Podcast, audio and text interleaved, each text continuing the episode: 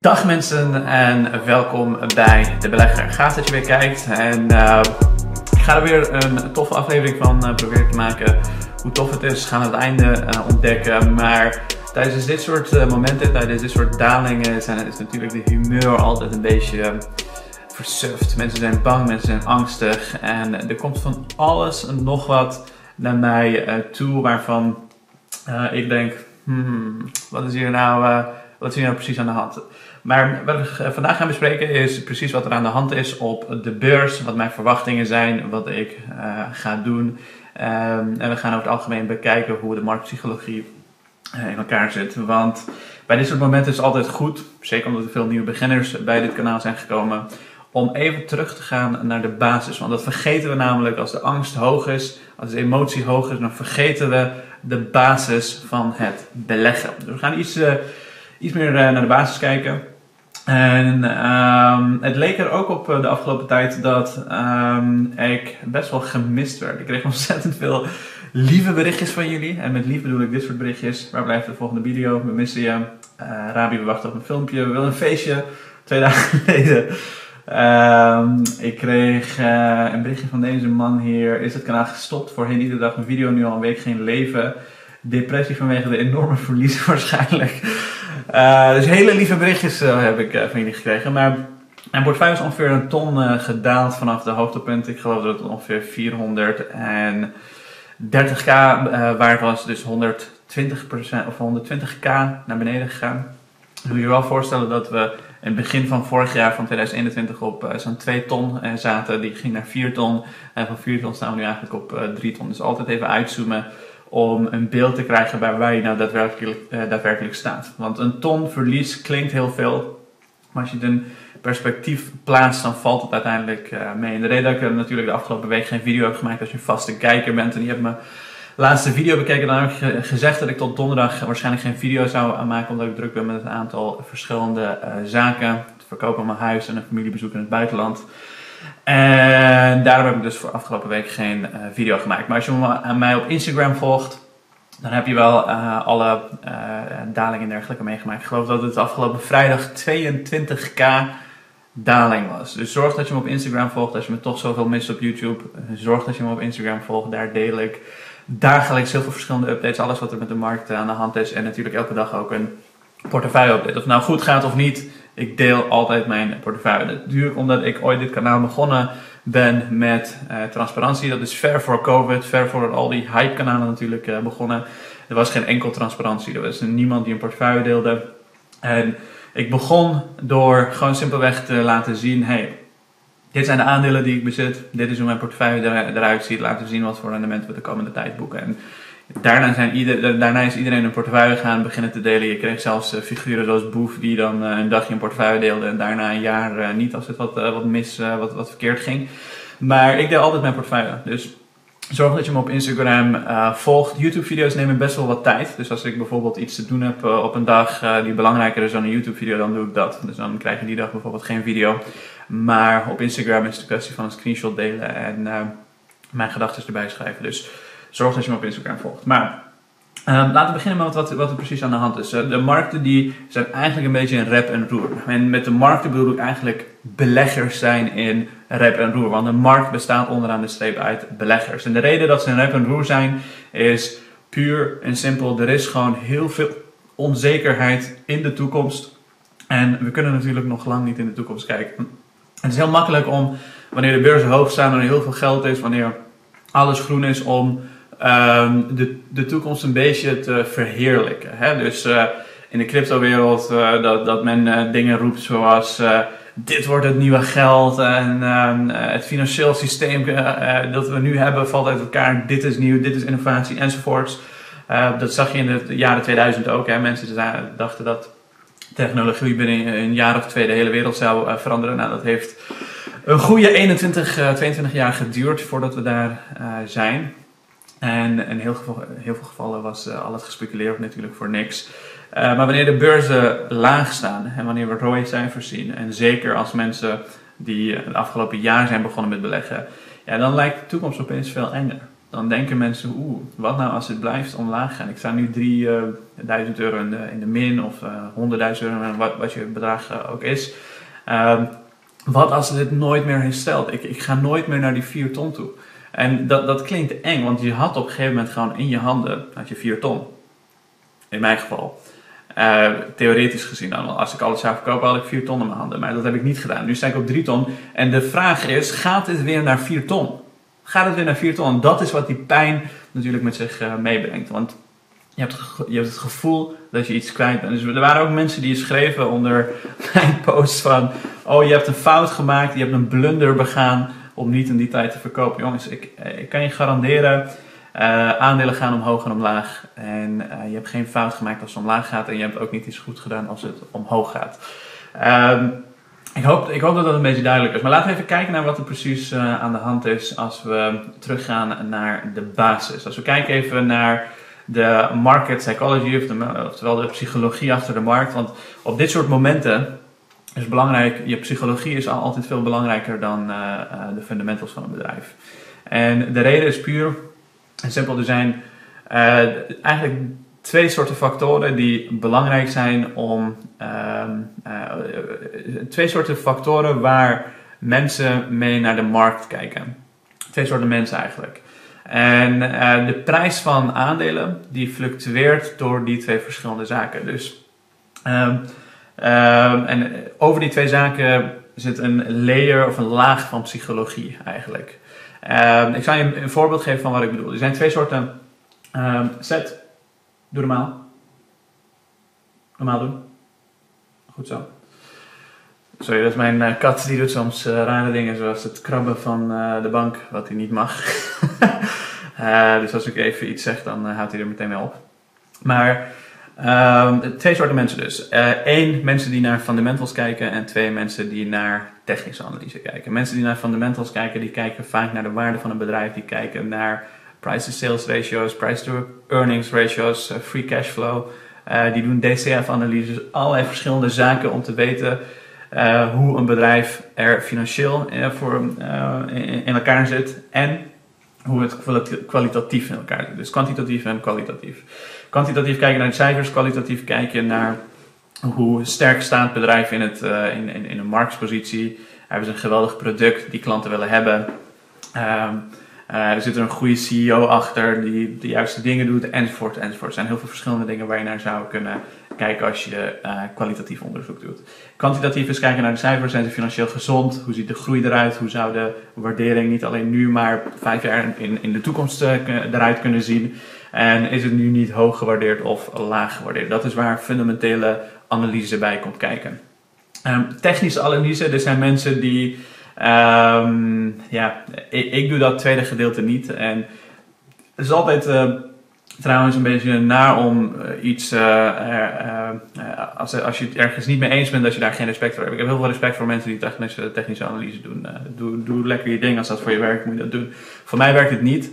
En um, technische analyse is eigenlijk naar prijs, uh, puur en simpel gefocust op prijs. Wat gaat de prijs op de korte termijn doen naar aanleiding van allerlei verschillende gamification die er toegevoegd is. En de reden dat de gamification toegevoegd is, uh, is zodat je emoties kunt uitschakelen. Want als je continu het hebt over geld en dalingen en dat soort zaken, ja, dan is het heel moeilijk om je, om je, je, emoties uit te schakelen. Want het is puur psychologie in principe, dat, uh, het hele beleggen. Um, maar die zorgen ervoor dat ze bijvoorbeeld kijken naar verschillende price levels, een uh, prijsactie, en uh, de, de, de driedubbele flip, Fibonacci sequence enzovoort. Die kijken naar allerlei verschillende zaken die ze een beetje houvast geven. Maar onderaan de streep vind ik persoonlijk, en dit is mijn mening, dat um, technische analyse geeft je houvast, zorgt ervoor dat je emoties kan wegschakelen, maar het geeft je eigenlijk geen ene moer in het, uh, in, in het echt.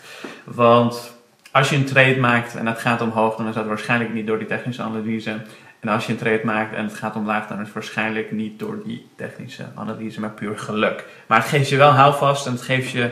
Uh, uh, in ieder geval haalt je emoties weg doordat je een stukje, dat je het eigenlijk als een spel begint te zien. Je kijkt naar levels, je kijkt niet naar, je kijkt naar prijsactie of de beurs omhoog omlaag gaat, maakt op zich niet uit. Je bent gewoon lekker aan het handelen en zorgt dat je um, ja, de, de, de, de pennies meepakt als het ware. Ik zie dat dan ook Ik ben zelf wel eens naar Tanzania geweest in in de safari. En daar heb ik een zebra op de grond zien liggen nadat een leeuw het eraan had gezeten. En eromheen zaten heel veel verschillende aasgieren. En die aasgieren die gingen erheen nadat de leeuw die uh, zebra had uh, gejaagd eigenlijk. Zebra lag op de grond en de aasgieren zaten een beetje de verschillende dingen te kijken. Ik zie persoonlijk technische analyse uh, echt penny pinching. Oftewel, als een aasgier de, de restjes oppakken die de beurs je biedt. Maar goed, puur en simpel mijn mening. En nogmaals, ik heb respect voor mensen die technische analyse doen. Maar dat is hoe ik er persoonlijk naar kijk. Ik kijk zelf vooral naar fundamentals. En ik kijk naar de waarderingen van de bedrijven die er nu, zoals ze er nu uitzien en in de toekomst uit zouden kunnen zien. En in tijden zoals dit is psychologie dus heel belangrijk. Want zoals je weet, dat hebben we al vaker besproken, dat kanaal bestaat al inmiddels bijna drie jaar. En regelmatig hebben we verschillende dips en dalingen en, uh, enzovoorts gezien. Uh, ik kreeg in maart bijvoorbeeld allerlei berichtjes van mensen die zeiden: Oh, aandelen gaan nooit meer naar dezelfde punt, gaan nooit meer omhoog. Deze bedrijven blijven de komende 2, 3, 4, 10 jaar waarschijnlijk op dit punt uh, belanden. half jaar later zaten we weer op een piek. En de, het punt daar is je weet niet wat de markt gaat doen. Je weet niet wat de markt gaat doen, maar het is wel een cyclus. De markt is altijd een cyclus en het oscilleert van hoog naar laag over de loop van uh, tijd heen. En hoe lang die uh, periodes zijn, dat weet niemand. Kan een jaar zijn, kan twee jaar zijn, kan twee maanden zijn, kan twee weken zijn. Dat weet je gewoon simpelweg niet. We gaan trouwens later even bespreken wat precies mijn verwachtingen zijn over de markt, wat de Fed gaat doen, enzovoorts, enzovoorts. Maar Laten we eens even kijken naar de psychologie. Um, je ziet hier disbelief after previous losses. The fear of losing more money overweighs all else. Uncertainty. The herd hesitates and misses the optimal window to enter the market. Dit is ongeveer de tijd dat mijn YouTube kanaal begon. Toen was er... Toen waren we eigenlijk net uit een best wel diepe dal uh, gekomen van uh, 2019. Uh, toen de beurs binnen een paar dagen bijna 20%, 18% gezakt was, geloof ik, was de SP. Um, ik had toen een bedrijf als Microsoft, Nvidia enzovoort, die waren echt gigantisch hard gedaald. Um, en uh, mijn YouTube kanaal die ging eigenlijk heel erg goed. En eigenlijk heel veel verschillende YouTube kanalen toen dit gedeelte begon, optimisme. Um, dat optimisme werd trouwens heel snel in de, in, in, aan, uh, uh, uit elkaar geslagen omdat COVID kwam. Dus dat optimisme ging eigenlijk in één keer naar disbelief en uncertainty. Mensen werden helemaal gek. Als je de All-In podcast kijkt, dan zie je een aantal miljardairs die uh, samen met elkaar zitten en de beurs bespreken. Uh, zelfs die miljardairs die zeiden, die zijn in zulke paniek geraakt. Uh, eentje die heeft Slack bijvoorbeeld op het allerlaagste punt verkocht. Dus ook dat soort mensen die hebben geen idee wat er aan, allemaal aan de hand is. En die maken zich zorgen en die maken ook domme beslissingen. Zoals bijvoorbeeld het verkopen van Slack uh, op een heel laag punt. Um, maar daarna is, zijn we eigenlijk alleen maar omhoog gegaan. Dus optimisme, uh, the herd sentiment begins to warm, on the after price have been uh, risen. Um, enthusiasm, market demand jumps as the herd rushes in. Dit zag je toen heel veel nieuwe beleggers erbij kwamen kijken. Heel veel beleggers die eigenlijk voor het eerst in de markt zaten. Uh, euphoria, investors share a collective dopamine rush as the market peaks. Iedereen zit aan elkaar te vertellen: hey, ik heb zoveel winst gehaald met dat aandeel, met dit crypto enzovoorts. En euphoria is eigenlijk iets wat we de afgelopen twee jaar gezien hebben. De beurs is alleen maar omhoog blijven gaan. En um, um, wat je daarna krijgt is overconfidence. The herd continues to increase their position despite high valuations. Die beurs was best wel hoog gewaardeerd. Nog steeds eigenlijk best wel fors gewaardeerd. Um, ik ga later vandaag trouwens een video maken voor alle leden waarin ik specifiek de waarderingen van een aantal bedrijven in mijn persoonlijke portefeuille bespreek. Um, maar dat zijn de momenten. Dit, dit, zag je bijvoorbeeld in maart, zag je een enorme daling, daarna weer omhoog, overconfidence. Um, the herd continues to increase their position despite high valuations. Ik heb de afgelopen, het afgelopen half jaar heel veel video's gemaakt waar ik heb verteld, waarschijnlijk is het een beter moment om uh, cash te houden. Ik heb persoonlijk zelf heel veel cash uh, uh, langs de zijlijn gehouden om bijvoorbeeld van dit soort dips te kunnen profiteren. Ik weet namelijk niet wanneer dit soort dips ophouden, dus ik koop geleidelijk bij. En dat zien mensen ook die in, mijn, ehm, die in de community zitten, die zien ook dat ik continu geleidelijk bij aan het kopen ben. Je hebt natuurlijk niet ontiegelijk veel geld, ik heb niet ongelimiteerd geld of iets dergelijks. Maar um, over het algemeen, kijk, beleggen doe je natuurlijk iets naast je leven. Zolang je leven door kan gaan zoals jij daar tevreden mee bent, Ehm, als jij de dingen kan doen die je leuk vindt om te doen eh, en eh, je hebt geen rare beslissingen gemaakt waardoor je per se je aandelen moet verkopen, bijvoorbeeld je zit financieel niet veilig of zo, dan kan je gewoon eigenlijk iedere daling kan je jarenlang uitzingen. Ook al zou het tien jaar duren, dan zou je het moeten kunnen uitzingen. Of in ieder geval uitzitten. Ehm, ik persoonlijk heb niet zo'n enorme risico genomen waar ik meteen in paniek raak als de beurzen dalen. Sterker nog, ik zie het juist als een kans. En ik, mijn, mijn, financiële veiligheid zit goed. Ik zou de komende, laten we zeggen, een jaar of twee jaar makkelijk moeten kunnen uitzingen. Plus met je inkomen, hè, je hebt natuurlijk gewoon een baan of uh, een onderneming. In mijn geval heb ik natuurlijk de belegger waar ik uh, het een en ander mee verdien, omdat mensen bijvoorbeeld lid worden van de community. En um, met die cashflows kan je dus over de loop van tijd heen en die twee jaar uitzingen en geleidelijk over de loop van tijd heen bijbeleggen als dat nodig is. Nou, iedereen's inkomen verschilt, iedereen verdient andere bedragen en eigenlijk hoe langer die dip duurt, hoe langer jij de mogelijkheid hebt om bij te kopen. Want die marktpsychologie, dat is al honderd jaar op en neer, op en neer, op en neer. Van ontiegelijk veel depressie en uh, pessimisme naar over uh, optimisme. En dat is wat je continu aan het zien bent. En als je lid bent van de community, kijk even de video over marktcyclussen. Als je hem al gekeken hebt, kijk hem weer. Want wanneer ik straks een portefeuillevideo ga maken, dan gaan we het namelijk ook bespreken. Maar um, anxiety komt als uh, uh, daarna. Fear sets in as losses begin to mount. Um, denial, investors ignore the warning signs of the market, demand weakens. Panic, prices plummet as the herd rushes to sell. Ik denk dat we ergens hier ongeveer zouden moeten kunnen zitten. Capitulation, the herd accepts its losses and completely exits the market. Agony, steep losses take a psychological toll on many investors and the sentiment cycle restarts. Depression, the herd is indifferent as the market inevitably begin their recovery. Dat, is de, dat zijn de momenten waarin de meeste beleggers denken, ik ga me hier niet weer aan branden. Maar zijn we, zijn we weer bij optimisme en enthousiasme. Ja, dan iedereen gewoon al geld meteen in uh, allerlei gekke, gekke aandelen stoppen.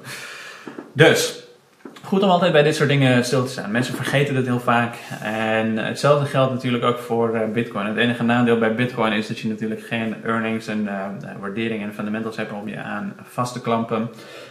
je hebt in principe een geloof in een munt waar uh, heel veel mensen wat van vinden en het op de markt van handel uh, verhandelbaar is.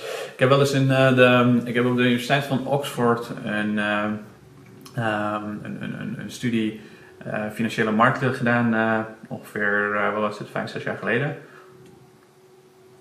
En daar hadden we een professor die de, de, een les gaf over waardering. Het was niet een heel gedetailleerde les, maar um, een, een, les gaf over de waarde van überhaupt iets. Gewoon iets.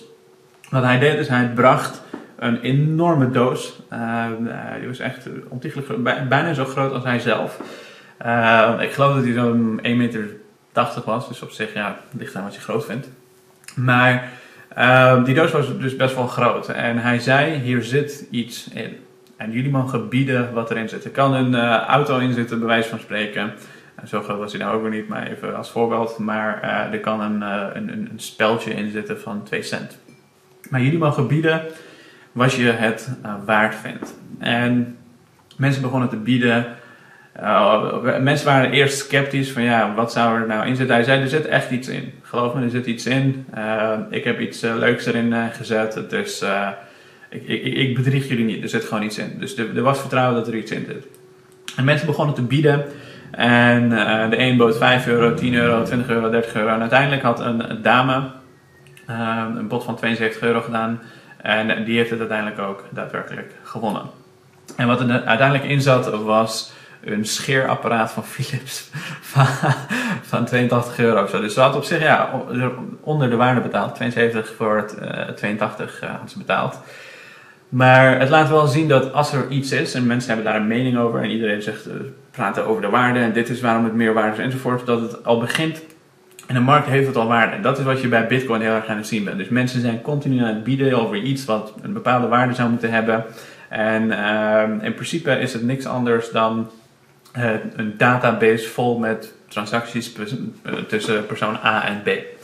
Dus uh, persoon A die heeft een bitcoin, die kan het naar persoon B overzetten en die data wordt gelogd op de blockchain en kan niemand iets in veranderen. en daar komen natuurlijk een laag van mensen overheen die zeggen, oh ja, maar het heeft waarde, want de Federal Reserve die kan wel geld bijprinten en bij Bitcoin kan dat niet, want het is technologisch zo ontwikkeld dat die transacties niet kunnen worden verwisseld door iemand of veranderd door iemand of iets dergelijks. Dus dat is wat je in de Bitcoin-wereld aan het zien bent. En er is heel veel geloof, heel veel gepraat over de waarde ervan. En het is een marktplaats waar heel veel mensen kunnen bieden.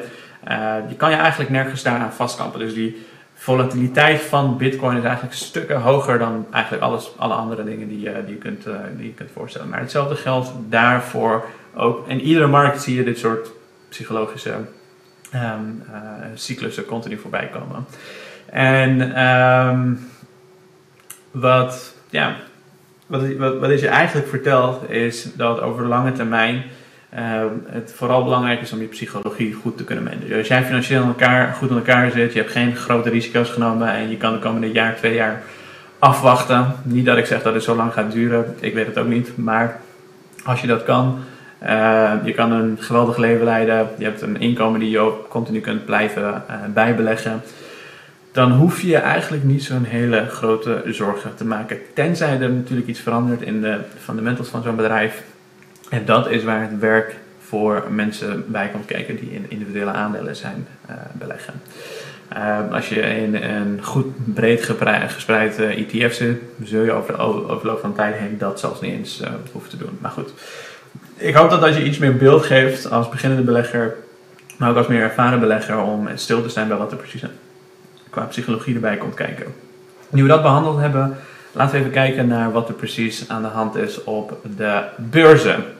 Want de beurs die gaat natuurlijk niet zomaar omlaag. Er is wel heel veel gespeculeerd, er is heel veel onzekerheid. En de reden dat er heel veel onzekerheid is, is omdat de Federal Reserve die gaat de rentes verhogen en ze gaan een balance sheet verkleinen. 26 januari is een meeting, allereerste meeting, waarbij de Fed wat meer gaat vertellen over wat, precies, wat ze precies gaan doen en wat hun gedachten zijn over de markt. En ik denk dat dit niet een hele belangrijke meeting gaat worden, alhoewel de ogen zijn er wel op gericht, maar ik denk dat dit een meeting gaat worden waar we eigenlijk hetzelfde horen als dat we al weten. En dat de meeting in maart, de FOMC-meeting, dat die veel belangrijker uh, gaat zijn. Ik denk dat we daar pas echt een beslissing uh, krijgen.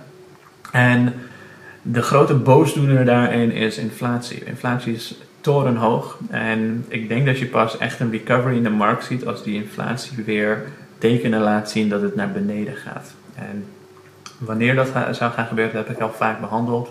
Ik weet het niet, maar ik denk dat het ergens in juli, juni, juli, juli zou kunnen zitten. Uh, omdat je dan vergelijkt tegen het jaar daarvoor. En uh, als je het dan vergelijkt tegen het jaar daarvoor, dan is dat het moment wanneer de grootste stijgingen er waren. En dan zul je dus een afvlakking moeten gaan zien. Maar goed, ik weet ook niet laten zien wat er daadwerkelijk uh, gaat gebeuren. Ik hou in ieder geval de FOMC-meetings in de gaten. En ik zal hier regelmatig ook posts plaatsen over wat er precies uh, um, uit die meetings komt. Wat ook belangrijk gaat zijn de komende tijd zijn earnings, kwartaalcijfers die zijn begonnen. Over loop van de week zal ik verschillende kwartaalcijfers met jullie behandelen. Ehm, ik geloof dat ehm, Microsoft morgen rapporteert nadat de beurs gesloten is. 3M is ook wel een interessante. Johnson Johnson. Um, vandaag gaat Logitech, uh, een techbedrijf. wel. Boeing, AT&T, Nasdaq, Intel, Tesla woensdag, uh, Qualtrics, Mastercard, Apple, Robinhood, Visa, McDonald's. Al die verschillende bedrijven die gaan dus hun kwartaalcijfers rapporteren. En dan is belangrijk wat earnings gaan doen. Dus wat gaan, hebben deze bedrijven gedaan in het vorige kwartaal Q4? Hoe hebben ze het jaar afgesloten? En nog veel belangrijker, en dit is waar denk ik um, heel veel aandacht naar gevestigd gaat, is wat je bij Netflix zag, um, hoe de prognoses zijn voor aankomende jaar. Dus wat, wat zijn hun outlook? Wat zijn hun verwachtingen bij het aankomend jaar? Ik denk dat heel veel bedrijven ehm, best wel conservatief gaan zijn, want je weet natuurlijk niet wat er gaat gebeuren. Laten we zeggen, die rente gaat belachelijk hard omhoog. Dan zou je dus ook daadwerkelijk recessie kunnen verwachten. Want als kapitaal duurder wordt, als het duurder wordt om geld te lenen, en heel veel bedrijven hebben geteerd op die lage rentes, dan zou je dus echt een opschudding krijgen in de markt, waarmee dus ook bedrijven daadwerkelijk failliet zouden kunnen gaan. En dan zou je ook in een korte periode van recessie kunnen belanden. Een recessie betekent twee kwartalen op rij economische krimp. En als dat gebeurt, dan denk ik dat we daadwerkelijk in de problemen zitten. Maar goed, we weten niet wat er gaat gebeuren. Ik hou het in de gaten en over de loop van tijd heen zal ik dus ook continu bij blijven komen. Voor de mensen die lid zijn van de community, ik zal later vandaag een video maken over mijn portefeuille, verschillende waarderingen van bedrijven bekijken en laten zien waar mijn gedachten zijn over mijn persoonlijke portefeuille. En de bedoeling is natuurlijk nooit dat je kopieert wat ik doe of dat je precies doet wat ik doe. Het belangrijke is dat je kijkt hoe iemand die zijn eigen vermogen in de markt heeft zitten, hoe die omgaat met, uh, met zijn vermogen. En als je daar iets van leert, mooi meegenomen, zo niet. Maar goed, um, dank voor het kijken en ik wens je nog een hele fijne dag.